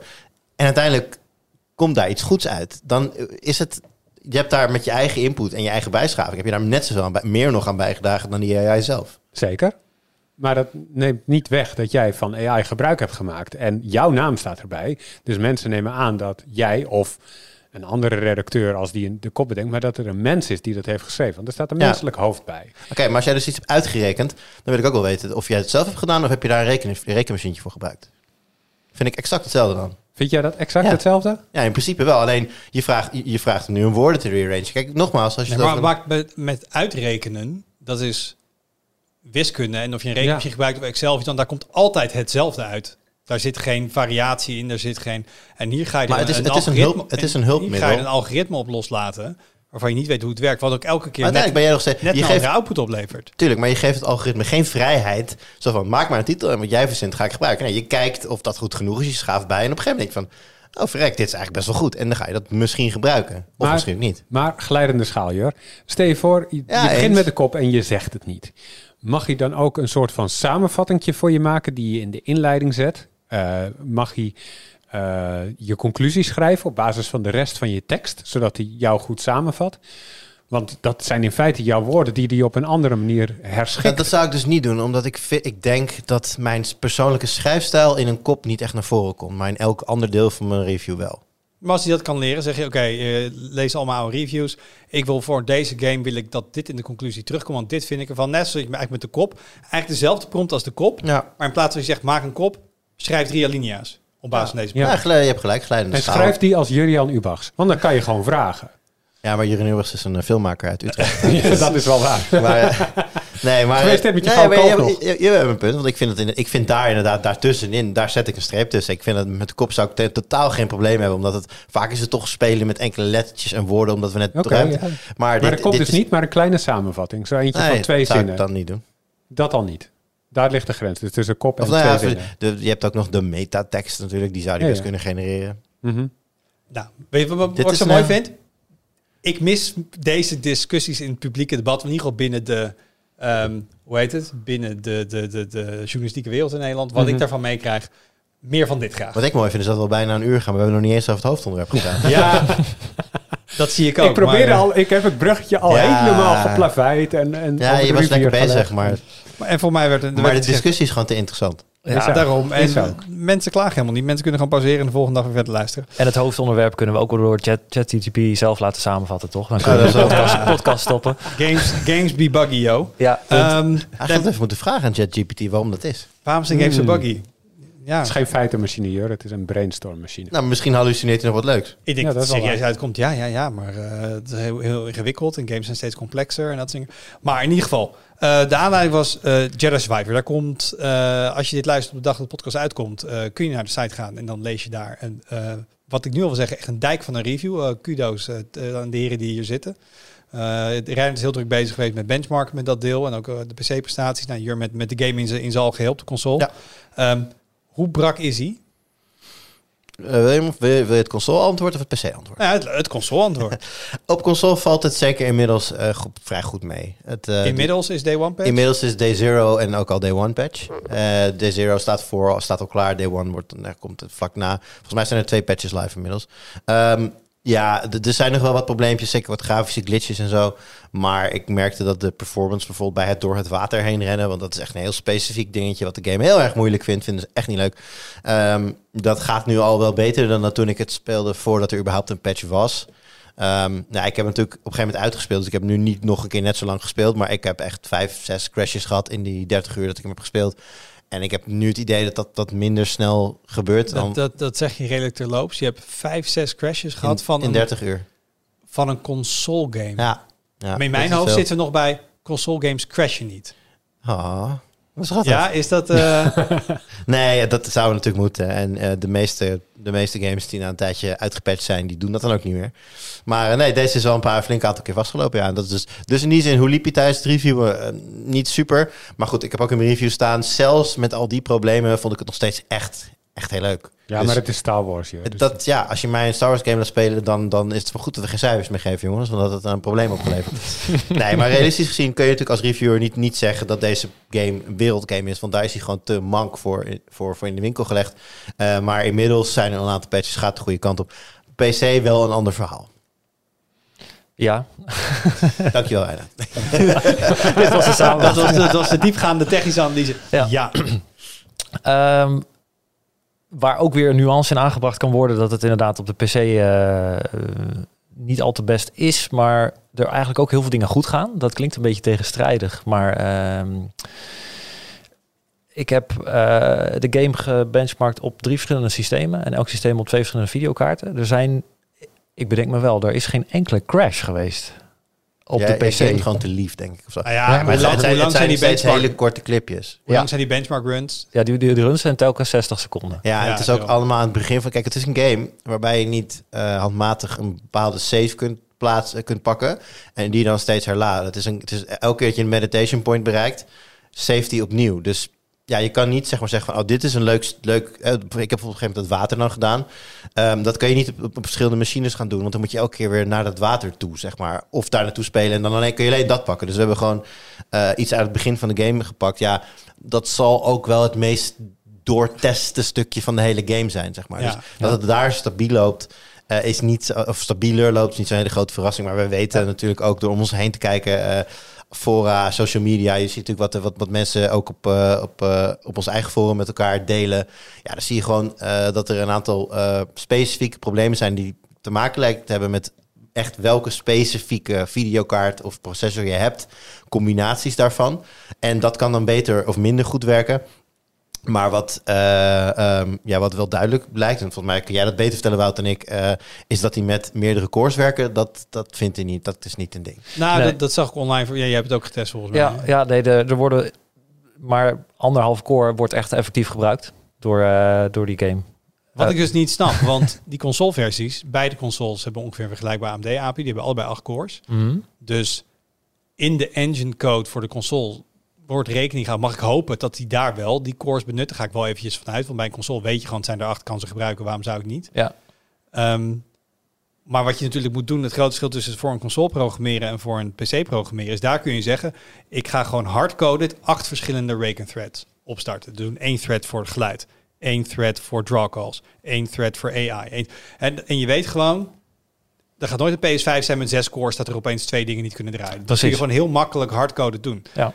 Ga je naar het PC, het moet op 4 cores draaien. Het moet op 16 cores draaien. Dus dan moet je een soort systeem hebben wat het variabel gaat inzetten. En ik, Ja. s- ik snap dat dat lastiger is. Maar er zijn ook genoeg ontwikkelaars die dat wel kunnen. Was dit niet trouwens eh, vroeger de bottleneck voor Crisis? Dat hij maar één, eh, dat hij niet multithreaded kon, eh kon Ja, werken. voor mij was er iets... Maar dat was meer processor, maar Dat was inderdaad dat hij voor rendering heel erg op een... De, de, voor mij kon de CPU-core de videokaart niet gevoed houden met draw calls daar. Ja. Ehm, maar, dus oké, dus dat is een ding. CPU-utilization is niet goed. Maar als je gewoon puur kijkt naar die performance. Je hebt gekeken op, op low-end, mid-range, high-end systeem. Ja, ja. Wat- kunnen mensen het überhaupt een beetje normaal spelen? Of is het ook gewoon niet te doen? Moet je 40-90 met alles erop en eraan hebben om... Nee, eh, kijk, de, de game... in de basis kun je die game spelen. Ook op eh, het instapsysteem wat ik dan heb. Wat bestaat uit In de een, basis eh, kun je de game spelen. En dat lat is niet hoog, maar dat is Ja. tenminste Ja. eh, wel fijn. het, kan hem het, het spel draait. Maar ga je voor hogere grafische settings, dan, eh, dan zakt die framerate wel goed in. En dat is natuurlijk iets wat we bij steeds meer games zien. En games worden ook steeds zwaarder. En eh, ga je Ja. voor de hoogste... De hoogste settings zijn nooit voor games nooit interessant als je een tragere PC hebt. Want eigenlijk moet je vaak één, één stapje daaronder gaan zitten. Maar met alle ophef online lees ik van mensen die zeggen... ik heb een 4090 en ik kan deze game gewoon niet normaal met 60 fps hoge settings draaien. Klopt dat? Ja, dat is dus wat ik dus helemaal niet ben tegengekomen. En eh, inderdaad, al, dat soort comments online eh, wat er voorbij komt over, over waar mensen in de, de- in de problemen mee raken, lijkt het op basis van wat ik eh, uit de testdata haal en, en, en wat ik voorbij zie komen, waar de grootste klachten zijn, dat het grootste probleem is als je een Intel processor hebt met verschillende soorten cores. Dus je hebt die performance cores en die efficiency cores. Dat gebruik je op Windows 10 in plaats van 11. En eh, toen Intel die CPU uitbracht, hadden ze ook al gezegd, deze moet je met Windows 11 gebruiken, want de scheduler van Windows 11 is zich tenminste bewust van dit verschillende type core. Dus zeg maar, daar gaat het sowieso al mis. En, en eh, die combinatie dan met een Nvidia videokaart, dat, is- dat, dat, dan vraag je om de grootste problemen. Zeg En maar. wij testen in de regel gewoon Windows 11. op wij, wij hebben alles op. Windows 11 getest. Ja, Ja, En- en, en daarnaast al, en wat, wat, nog om even te herhalen, kijk, we, we testen natuurlijk nu hè, dat, dat, die beginscène die wij hebben gebenched. Daarin loop je eigenlijk een soort van guided route. Het is niet de open wereld nog. Ehm, er zijn gewoon specifieke delen van de wereld, specifieke handelingen die gedaan worden in de game. Eh nou, ik neem, noemde bijvoorbeeld door het water heen lopen. Die misgaan ook op console. Ik kan me heel goed voorstellen dat dat ook de stukken zijn waarbij zo iemand met een hele dure videokaart zegt van ja, als ik dat doe, dan, dan slaat mijn game praktisch vast. Ja, dat, dat, dat zou best wel kunnen. Dat wij daar gewoon, eh, dat wij die allerzwaarste stukken gewoon nog, nog niet of nog niet getest hebben. ja, ja, nou ja, en wat, wat ik ook online veel zag, en dat begint ook helaas elke keer terug te komen. We zaten er grapjes over te maken toen we ehm, de PC-versie van The Last of Us Part 1 aan het testen waren. Dat je dus na de eerste keer opstarten drie kwartier moest wachten, omdat die game shaders ging compileren. ja, vijf kwartier zelfs in het ergste Vijf geval. kwartier. en wat ik ook hier bij deze game online... eh, Kan je een hele Tweakers podcast luisteren? Oh ja, ja. Wat ik even merk, is dat ze dus hier dat niet, niet allemaal vooraf doen. Dat doen ze on the fly, terwijl Ja. je die game speelt. Maar dat je dus heel veel van die shader compilation stutters krijgt. Want voor mij zag ik ook in jouw testwerk dat in die testrun elke keer op hetzelfde punt Ja, zag je frame dips. Dus gewoon dat je dan van de een naar de andere ruimte loopt. Of, iets Ja. anders. en dat er dan op, of er moet heel veel van de wereld worden ingeladen, of er moet dingen gecompileerd worden. ja, Ehm, dus dat zijn eigenlijk stutters. Het maakt niet uit hoe dik je systeem is. ja. Daar ga je altijd haperingen zien. Ja, en dat is niet wat je wil als je 2000 euro aan een videokaart hebt betaald of meer. Nee, Nee. en dat is gewoon, ehm, met alle respect voor de mensen die aan deze game hebben gewerkt, dat, dat is gewoon niet acceptabel. net programmeren, zeg maar. Dat wil je dat dat, dat, dat ehm, links of rechts, dan moet je gewoon zeggen als development team, ja, dit is niet acceptabel. Dat is gewoon standaard op Ja. dit deel van het spel dat alles inkakt. Ja. En de vraag is dan een beetje hier, als degene die het meest, denk ik, van mensen aan deze tafel wel eens met ontwikkelaars en game, gameontwikkelaars praat, is zijn dit uitgevers die een datum zeggen, roepen, waarvan de ontwikkelteams eigenlijk zeggen, ja, gaan we niet redden, maar het wordt gewoon gepusht? Is dit, ah joh, eh, we hebben tegenwoordig alles is online, we doen lekker een day one patch, we komen er ook wel mee weg. Heb jij, heb jij een gevoel erbij waarom het acceptabel is voor dit soort eh, bedrijven? Dan heb ik het niet alleen over Jedi, dan heb ik het dus over The Last of Us Part 1. Dat kwam ook uit twee maanden terug en het, voor geen meter draait dat. Dan heb ik het over iets als Cyberpunk, wat als een soort beta uitkwam.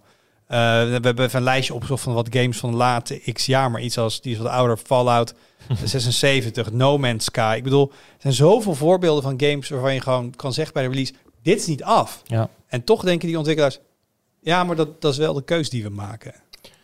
Ik denk dat het ehm, dat de waarheid een beetje het midden ligt en ook per project verschilt. Ehm, neem bijvoorbeeld Star Wars nu dan. Die heeft al zes of acht weken uitstel gekregen. Er zou in maart uitkomen. Omdat ze gewoon meer tijd nodig hadden. Dus ik heb, en daarmee op dat moment spring je ook het volgende boekjaar van EA in. Dus ik heb totaal niet het idee dat EA op zich van nee, we willen hem echt uiterlijk in. mei. Dat geloof ik niet. Want ik denk meer dat het zoiets is van dat het een, eh, een hele. ehm, Spelen de feestdagen wel mee als, ze- als dit soort games in november uitkomt? Ja. Ja. Hij moet voor Thanksgiving in de winkel liggen. Ja, en het, het, ja het, het najaar, het najaar Windows sluit wel echt, nou ja, hoe- voor Black Friday. Nou, Gran Turismo kwam dan wel in december nog uit, maar ehm, ja, dat is het uiteraard belangrijk om voor kerstmis dan wel in de winkel te hebben. Of, Cyberpunk was ook december, toch? ehm, Ja. 11 december uit mijn hoofd. Ja, zoiets. Ja, ook. Ook net daarna. Ja, na, na, maar wel voor kerst. Ja. Nee, dat, dat speelt mee, maar ik denk niet dat het in, in alle gevallen, en ook in dit geval denk ik niet, echt niet dat EA daar heeft gestaan. Want jullie moeten hem nu uitbrengen. Ik denk meer dat het een verhaal is van, het is een hele ambitieuze game. Uh, een game waar ik me ook op sommige momenten afvraag of ze niet dingen proberen te doen waar die gewoon met Unreal Engine 4 niet helemaal realistisch meer zijn. Uh, ja, weet je, Unreal Engine 5 is er natuurlijk, wordt door een aantal studio's gebruikt. Ja. We zien nu ook de eerste echt uh, project, gewoon volledige games die daarmee gemaakt zijn, die komen nu ook langzaam naar voren. Die zijn ook in heel veel gezichtsanimaties, dat soort dingen. Daar zie ik dingen die ik echt in UE4 niet zie. Um, ja, daar, daar, daar maar aan proberen te passen met toch uh, tussen aanhalingstekens verouderde tech is denk ik, uh, ja, een, ik zal niet zeggen vraag om problemen, maar een uitdaging. Dus dan heb je een heel ambitieus project, heel groot, werken superveel mensen aan. Ik denk dat zij, het zijn geen domme mensen, ze testen zelf ook. Ik snap, ik denk dat ze ook echt wel zien van oké, het is niet wat het zou moeten zijn. Maar dan denk ik dat je op een gegeven moment een situatie bereikt dat je met elkaar gaat zitten van goh, hoeveel tijd zouden wij nodig hebben om echt alles wat er is te fixen, zodat die probleemloos gaat. Oké. En dan is het een soort van, oké, stel dat dit, dat is dan tijd X. Maar ja, ga je dan wachten met uitgeven tot je dat allemaal gefixt hebt? Terwijl bijvoorbeeld de consoles met dus inderdaad die day one patch al op een heel acceptabel niveau kwamen. Ik denk dat het meer zoiets is. Dat zij ze hebben van, nou oké, het, is, het is een soort van, van calculated risk dat het, dat het niet te erg wordt met ook de, met de te verwachten storm van kritiek en dat soort dingen. Dat we daarna binnen een x aantal weken het allemaal kunnen fixen en dan loopt het wel los. Ik denk dat het, dat het meer daar zit dan dat er echt een uitgever boven zit die zegt, jullie moeten het op die dag uitbrengen, anders worden we boos. Maar als gamer, wat heb je liever als ze hadden gezegd, nee jongens, het wordt um, 1 augustus, maar dan is hij af. Zeg jij dan, nou, ik wil hem liever eerder spelen en een beetje ja, buggy augustus, met vijf keer 1 augustus ben ik in Indonesië. Dus, nee, uh, maar je snapt, je snapt wat ik bedoel. Nee, ik snap wat je bedoelt. Um, ik vind ja. namelijk wel gewoon een slechte ontwikkeling. Jij zegt net, oh wat schattig Wout, jij, weet niet dat moderne console games vijf keer kunnen crashen in 30 uur. Maar ik vind het ook gewoon een hele foute ontwikkeling en een soort bepaalde... Ja, maar kijk, het is, het is een beetje... Je, je merkt dat ik, dat ik me er niet zo zwaar aan til, maar dat heeft ook met de game zelf te maken. Uh, het autosave systeem van Jedi Survivor is best wel goed. Ik heb nooit gehad dat die crashte en dat ik dan een half uur opnieuw moest. Op het moment dat dat gebeurt, dat je echt gewoon een uur progressie kwijt bent, dan wordt het een heel ander verhaal. Had ik ook veel meer, veel meer bij stilgestaan. Maar omdat die game zo vrij, vrij goed uh, tussendoor saved, heb je er niet zo heel veel last van. En ook op een console, ja, het is ook crash, uh, compiling, file, file report, send. Uh, je drukt nu op de game en 30 seconden later ben je weer verder waar je gecrashed was. Dus ja, in die zin til ik er niet zo. Is het, is, het, is het goed? Nee, natuurlijk niet. En ik neem aan dat het. Het kan natuurlijk van alles zijn. Video memory leak, whatever. Ja, dan dat, dat, dat valt te patchen en dan heb je er geen last meer van. Maar ja, het is, het is een realiteit dat games voordat. Als ik ze speel voor ze uitkomen en ik heb de Day Zero patch nog niet, de meeste crashen. Wat is het nadeel van later een game uitbrengen? Ja, ja. momentum, timing. Ja, Nogmaals, ik denk als je in Q4 uitbrengt bijvoorbeeld, maar je had net over boekjaren. Uh, kwartaalcijfers worden ook gerapporteerd. Ja, ik weet uh, dus als naar een ander kwartaal gaat. Ik lees ze allemaal. Nou, nee, niet dat allemaal, weet ik. Dus ik, denk, dus ik denk dat. Ik denk dat, er, dat dat soort dingen wel serieus meespelen. Van ja, maar het moet wel dit kwartaal uitkomen, want we hebben volgend kwartaal, we hebben niks anders. En moeten wel. Dat is net wat Jur zei dat niet gebeurt, hè? Nou, misschien nou, in dit dat, specifieke geval. Ja, goed, maar het, wel kan, het kan natuurlijk wel zijn dat, het, dat, dat, dat uh, jij hem wel in zijn eerste kwartaal wilde houden, bijvoorbeeld. Dat zou best kunnen. Want is er, is er een, een bepaalde straf die je hebt als je een game buggy uitbrengt? Van, gebruikers zijn niet blij, Ja, die, straf, niet die, blij. zeggen, die, die straf heet user reviews op Metacritic. nou, maar dat is wel grappig, want ik, ik heb een beetje zitten googlen daarover. Of je daar een soort lijn in kunt vinden. Um, ik kon hem niet vinden. Cyberpunk, bijvoorbeeld. Ja. Um, pre-orders had al, met de pre-orders alleen hadden ze de productiekosten er al uit. En de marketingkosten. Mm -hmm. Nog voordat dingen in de winkel. Voordat iedereen was, wist hoe buggy ja, die was. Toen moesten ze nog wel gaan refunden natuurlijk daarna. Dat, dat, hebben, dat vond ik wel echt heel goed van ze, dat ze zo ver zijn gegaan. Ehm, maar voor mij september 2022 hadden ze meer dan 20 miljoen kopies verkocht. Dat soort Mhm. dingen. Ja. Dus ik denk bij Cyberpunk durf ik wel. En ik kan nog even bij in Steam heeft hij ook qua concurrent players daar alleen al echt gigantische pieken. Dus voor mij daarvan kan je zeggen, die game heeft er in dat opzicht misschien wel qua imago voor CD Projekt Red, maar commercieel gezien niet ondergeleden. Ehm, een andere game, Battlefield 2042, daar heeft EA van gezegd... ja, we hebben echt gewoon sales expectations gemist. En dat schrijven we ook deels toe aan dat gewoon de game en keuzes die we gemaakt hebben... gewoon niet aansloten bij wat de fans wilden. Dus Moet ik wel zeggen dat dat, ik vind dat nog wel een ander verhaal. Want dat was niet per se dat het super buggy of crashy of wat dan ook was. Het was gewoon dat er heel veel features die mensen hadden verwacht bij, bij release pas later inkwamen. Volgens mij dingen als Ah, ja. in-game voice chat en dat soort, of, of überhaupt scoreborden. Dat, dat, dat, dat soort standaard dingen ontbraken een beetje bij release. ja, En dat- gewoon het hele het multiplayer deel, de servers waren gewoon hartstikke instabiel. Dat je een lobby niet in kon komen en dat soort dingen Ja, ja, maar gekikt werd. Ja, dat, true. Maar dat hebben heel veel grote releases hebben dat de eerste dagen. Dat is, ja, ik, ik noemde dat vroeger de Call of Duty peak. Elke nieuwe Call of Duty die uitkwam was het eerste weekend heel matig speelbaar. Waarom?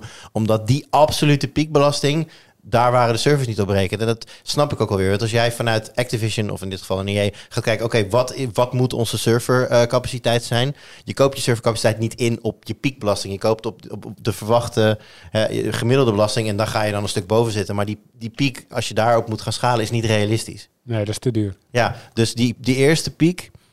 Ja, weet je, hoe, hoe vervelend het ook klinkt, moet je op tot op zekere hoogte door de vingers zien. Natuurlijk, we zouden allemaal willen dat ze gewoon lekker makkelijk kunnen bijschalen en dat iedereen gewoon fluitend die service oploopt. Sommige games lukt dat. Maar Maar, dat, alle, dat, dat is tegenwoordig hoe cloud-based hosting werkt. Maar je zegt, ja. ik heb wat Nou meer ja, nodig, tegenwoordig, het tegenwoordig maar dit is nu inmiddels eh, 2042 is nu, drie jaar oud. Ja, dat weet jij beter dan ik. Volgens mij drie jaar oud. Of twee jaar oud. Nou goed, in ieder geval. ehm eh, wat ik zeg, gewoon die eerste dagen service die instabiel zijn. Ja, dat, dat, dat, daar kijk ik niet heel gek van op. Maar ik vond, dat vind ik wat anders dan aan het spelen zijn en de ene na de andere bug, eh, veel crashes, dat soort dingen. Door druk op service krijg je dat soort dingen natuurlijk ook wel. Maar dat vind ik, dat vind ik dan net anders dan een singleplayer game die hetzelfde laat zien. Dit, dit zijn netwerk-issues. Reinhard, Arnoud die vraagt van, hè, heeft dit een negatief effect? Als, als, als gamer zorgt dit er bij jou voor dat je zegt, nou, bij, van die uitgever ga ik minder snel een game kopen of we kijken eerst even de, de kat uit de boom of slik jij het allemaal?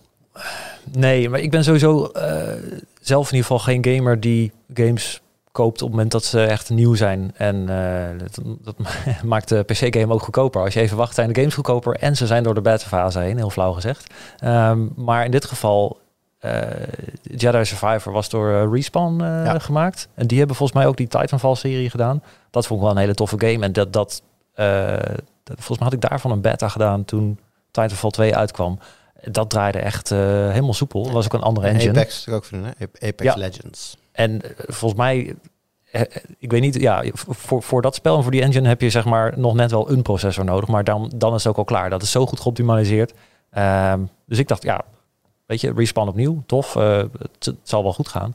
Ehm, maar inderdaad, dit is op de Unreal Engine 4 gemaakt. En ja, dan, dan loop je toch tegen bepaalde dingen aan die je bij Unreal Wat gek 4 is, want games het- veel ziet Want het voorkomen. hele idee is dat je denkt, we gaan niet from scratch een engine maken, we gaan iets inkopen, want dan zit dat tenminste wel goed. Dat is een beetje het idee van iets als Unreal gebruiken. Ja. ze hebben natuurlijk voor Fallen Order hebben ze natuurlijk de engine ook gebruikt. En dit is natuurlijk een doorontwikkelde versie voor, van, van Fallen Order. Dus ze zullen vooral ook niet opnieuw hebben willen beginnen met UE5, wetende dat je dan al je assets Nee, snap maar doen. bijvoorbeeld een CG Project Red die voor Cyberpunk een compleet nieuwe engine schrijft, Ja, dat brengt meer risico met zich mee dan Ja. we, we pakken iets als Unreal.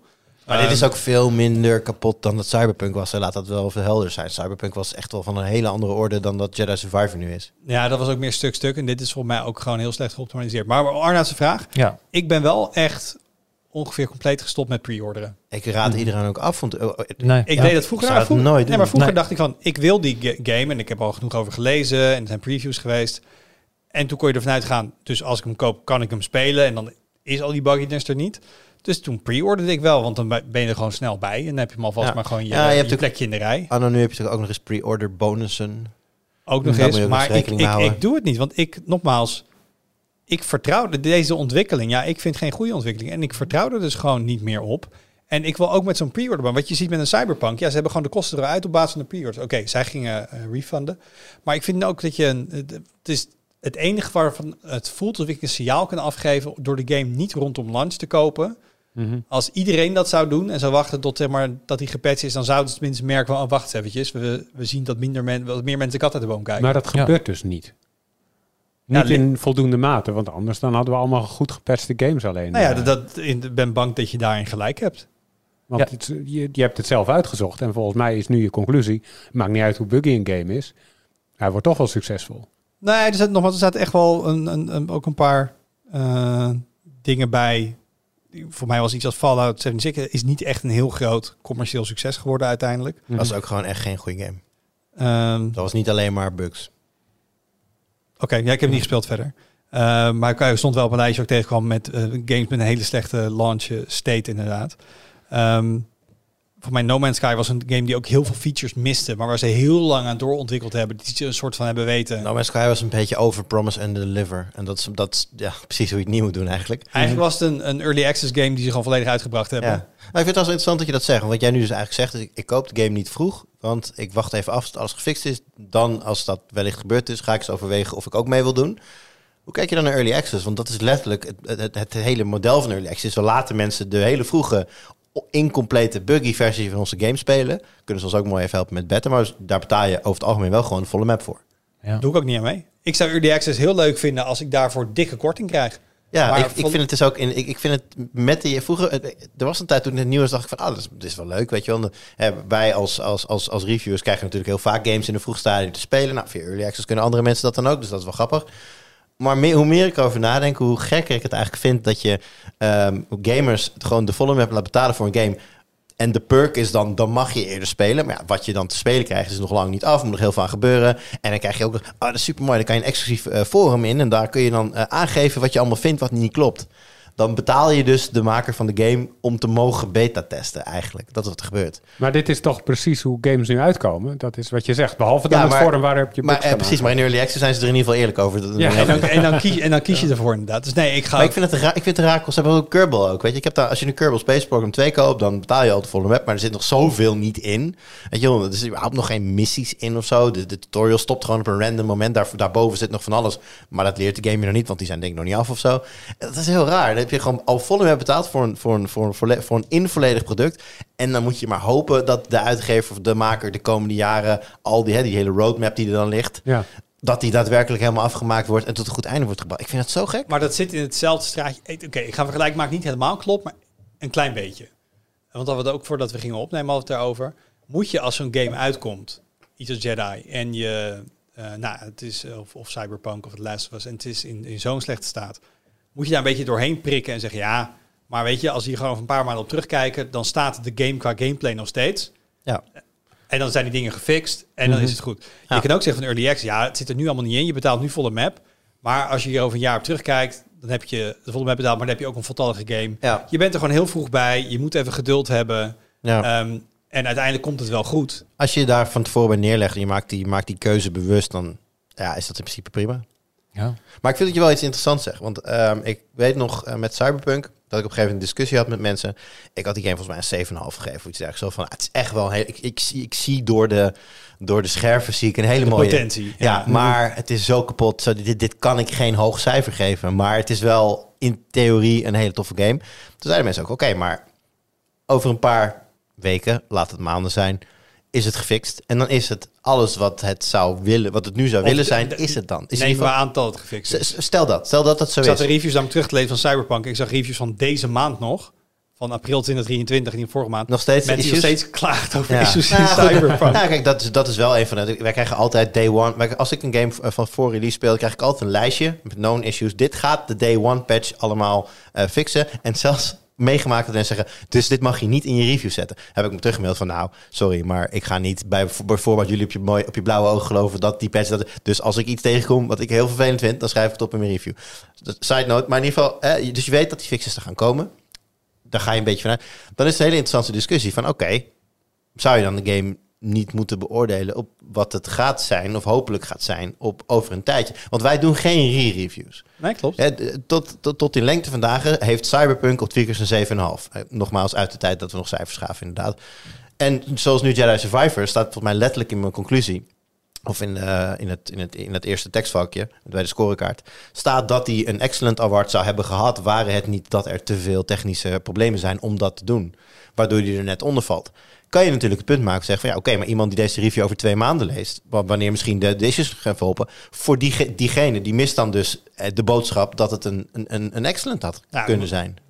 Niet dat hij gewoon jouw tekst goed leest, want ik vind dat je dat heel goed aangeeft van ja, je hebt hoe de game nu is. En, en wat je zegt, misschien dat het over twee maanden Ja. gefixt is. Maar je kan het enige wat we kunnen is het? doen, is het op dit moment beoordelen. Soms heb je ook gewoon hardware die we beoordelen. Ja. Telefoons waar de software gewoon buggy van is en dat soort dingen. We hopen en gaan er stiekem van uit dat het opgelost Ja. wordt. Ja. Maar dat Nee, we gaan er niet eens stiekem van uit. Zeg maar, we hopen het wel voor de mensen die het kopen, dat het een beter product Ja. wordt dan dat het was. Alleen het enige wat wij kunnen... Dus ik, ik ben met je eens, en ik snap het dilemma. Maar het enige wat wij kunnen zeggen is de ervaring nu. Ja. Ja, en als een uitgever dan ehm, over een paar maanden alles gepatcht heeft... en ze zouden misschien nog wel de bal hebben om dan misschien te mailen en zeggen... goh, kun je het aanpassen? Ik van, nee, maar Oh, dat Da- gebeurt. dat is het resultaat van jouw keus... Ja. om die game niet af te Dit maken. ik krijg letterlijk mailtjes van uitgevers zeggen van... joh, je hebt des, des, destijds hebben jullie die, die game behandeld. En niet eens dat we hem altijd heel kritisch... maar er is bijvoorbeeld heel veel veranderd en zo. Ze hebben heel veel dingen toegevoegd. Zouden jullie er nog eens aandacht aan willen besteden? Ja, weet je, de- de realiteit is dat wij natuurlijk met beperkte eh mankracht en middelen werken... en dat ik meestal andere reviews en previews op mijn, op mijn bordje heb liggen. Ja, en om dan nu een... eh, kijk, Cyberpunk is misschien een uitzondering... omdat die destijds zo kakkemikkig was. En dat, daar zou je... Dat is een verhaal op zich. Dat zou je in een rustig moment nog best eens kunnen, naar kunnen kijken van... goh, hoe ziet dat er nu eigenlijk uit? Ja. Maar over het algemeen is het voor ons gewoon niet te doen om, om no- later nog eens terug te kijken naar een hele buggy game en die dan nog een keer opnieuw te gaan reviewen. Dat, Ja, of, of een telefoon een tweede keer te gaan testen Ja. als er nieuwe software updates zijn en dat soort dingen. Weet je, als dat met, met elk apparaat dat we testen waar software bij komt kijken moeten doen. ik, denk dat we- ik denk dat ik voor iedereen spreek als ik zeg dat we dat dolgraag zouden willen zouden doen. Het zou Ja, heel tof maar zijn. ja. Maar dat gaat ten koste van dan nieuwe producten die misschien wel gewoon netjes af zijn als ze uitkomen. Maar Nee. inderdaad, ik geef je helemaal gelijk, Jur. Want als iets, je kan niet iets beoordelen op de belofte die het, eh, die het in zich heeft. Dat kan gewoon niet. Nee. Nee. Door je, je kan zeggen, ik zie een mooi veld vol zonnebloemen. Misschien wordt het ooit een Van Gogh. Ja, dat zou kunnen. Maar dat is het nu nog niet. Dus die beoordeling krijgt het niet. Ja. Dus, maar ik maak me wel een, eh, een klein beetje zorgen. Want ik denk dat dit een weg is die de industrie is ingeslagen. Ja, af en toe heb je echt eh, wel dat het iets doet met... eh, nou, dat er een soort van afbreukrisico en imagoschade is. Maar ik heb het idee dat dit nu gewoon hier to stay is. Ik heb dat idee eigenlijk ook wel. Het is, niet, het is, het is zoveel mensen ook niet erg genoeg. We klagen er allemaal over. We hebben een crash gegaan op internet. We tikken hem, we geven hem een 1 op Metacritic. Maar uiteindelijk spelen we de game alsnog uit en kopen we de opvolger. Ja. En ehm, ja, weet je, de andere, de andere situatie, de vroege situatie, was natuurlijk dat je helemaal geen updates kon geven via internet. Dit is natuurlijk iets dat uiteindelijk, hè, wat ik zei, dat het eigenlijk een beetje uit de klauwen gelopen is, waarbij eh, tot op day one on- doorontwikkeld kan worden. Ja, en soms red je het dan net niet helemaal, loopt het een beetje uit, is het niet waar je wil zijn. Maar uiteindelijk is het feit dat er doorontwikkeld kan worden aan een game die al op jouw PC dan wel console staat, is een voordeel. Ja, Ja. Dat, En- dat ben ik helemaal maar elk eens. voordeel heeft zijn nadeel. Ja, heb ik elk- als iemand horen Elk zeggen. voordeel heeft zijn nadeel inderdaad. En ja, dan, dat, eh, eh, wat dat betreft, hè, wat Wouter al eerder zei, wat ik net ook al zei, lijkt me zeker als je een PC-gamer bent, een hele gezonde houding om eh, gewoon bij grote releases de kat even uit de boom te kijken en een paar, week, paar weken later aan te haken. Want ik ben ook Star Wars fan. Ik wist dat Jedi Survivor eraan kwam. Ik ga deze game spelen op een bepaald moment. Maar niet nu. Ja, En ik ga vast ook een keer de Last van Part 1 op de PC opnieuw spelen. Maar niet nu. En waar ik dan ook op hoop, is dat hij, en dat, dat gebeurt soms wel, soms niet, dat hij dan na een half jaar wat goedkoper is. Want ergens is het ook een soort, ik gun ze dan ook niet het volledige bedrag. Dan heb ik zie als ik mij de budgetbak kan pakken, dan heb ik ook zoiets van, zie ik heb er niet de volledige, volledige 60, 70 euro voor gegeven. Want ja, dat, dat toch een soort statement wat je dan kan maken. Of Ja, in dat Ja. daglicht begrijp ik ook niet dat eh, zoveel mensen nog pre-orderen. Daar hebben we het net over gehad. Maar ja, daarmee Ja, kom je als... doen. Nee, niet doen. nee. nou, pre-order bonus, eh, dat, ik weet niet wat het Ja. hierbij was. Bijvoorbeeld als je FIFA doet en je speelt Ultimate Team en je doet pre-order, dan krijg je een bepaald aantal credits waarmee je dus van die pakjes kan kopen in Ultimate Team. Die krijg je dan gratis extra. Dus als je dan toch al weet dat je de game sowieso gaat kopen, ja, dan is het, ben je die van je eigen portemonnee om het niet te doen. Oké. Bij FIFA. Ja, en dan dus accepteren dat er eventueel iets kan tegenvallen wat eh Ja. eruit gepatcht moet worden. Omdat Mhm. je hem nog eh, hebt gekocht voordat, de re- voordat hij getest is, voordat de reviews eh van Ik ben zijn. trouwens wel benieuwd, want die snap ik ook inderdaad niet. En dan ga ik hem afronden. Ehm, als er nou mensen luisteren zeggen, ik zit in vijf early access games. Ehm, vertel eens waarom. Paas even een post. Ik, ik vind het inderdaad, ik kan er ook niet helemaal bij volle met betalen voor een beta-tester zijn. Maar misschien dat ik daar dingen mis. Dus eh, Oh, het lijkt me eigenlijk best wel leuk voor een, Ja. een game waar ik ontzettend fan van zou zijn. om daar vanaf het begin een beetje of Ja. zo vroeg mogelijk bij te zijn. Actieve rol in de community. Ja, Voor Ja. de volle map. voor de volle map. Ik snap het wel, maar ik vind het gewoon vanuit een bepaald business oogpunt vind ik het niet eerlijk of zo. Nou, zullen we er maar een eind aan breiden dan? Of kunnen we gewoon twee uur durende podcast maken een keer? Nou, goed. Ik vind het ook prima. Nee, ik, ik doe niet meer aan twee uur durende podcast.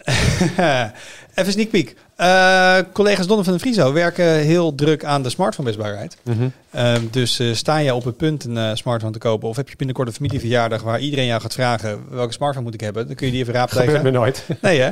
Eh, volgende week vindt Google I.O. plaats. Zelf wel zin in.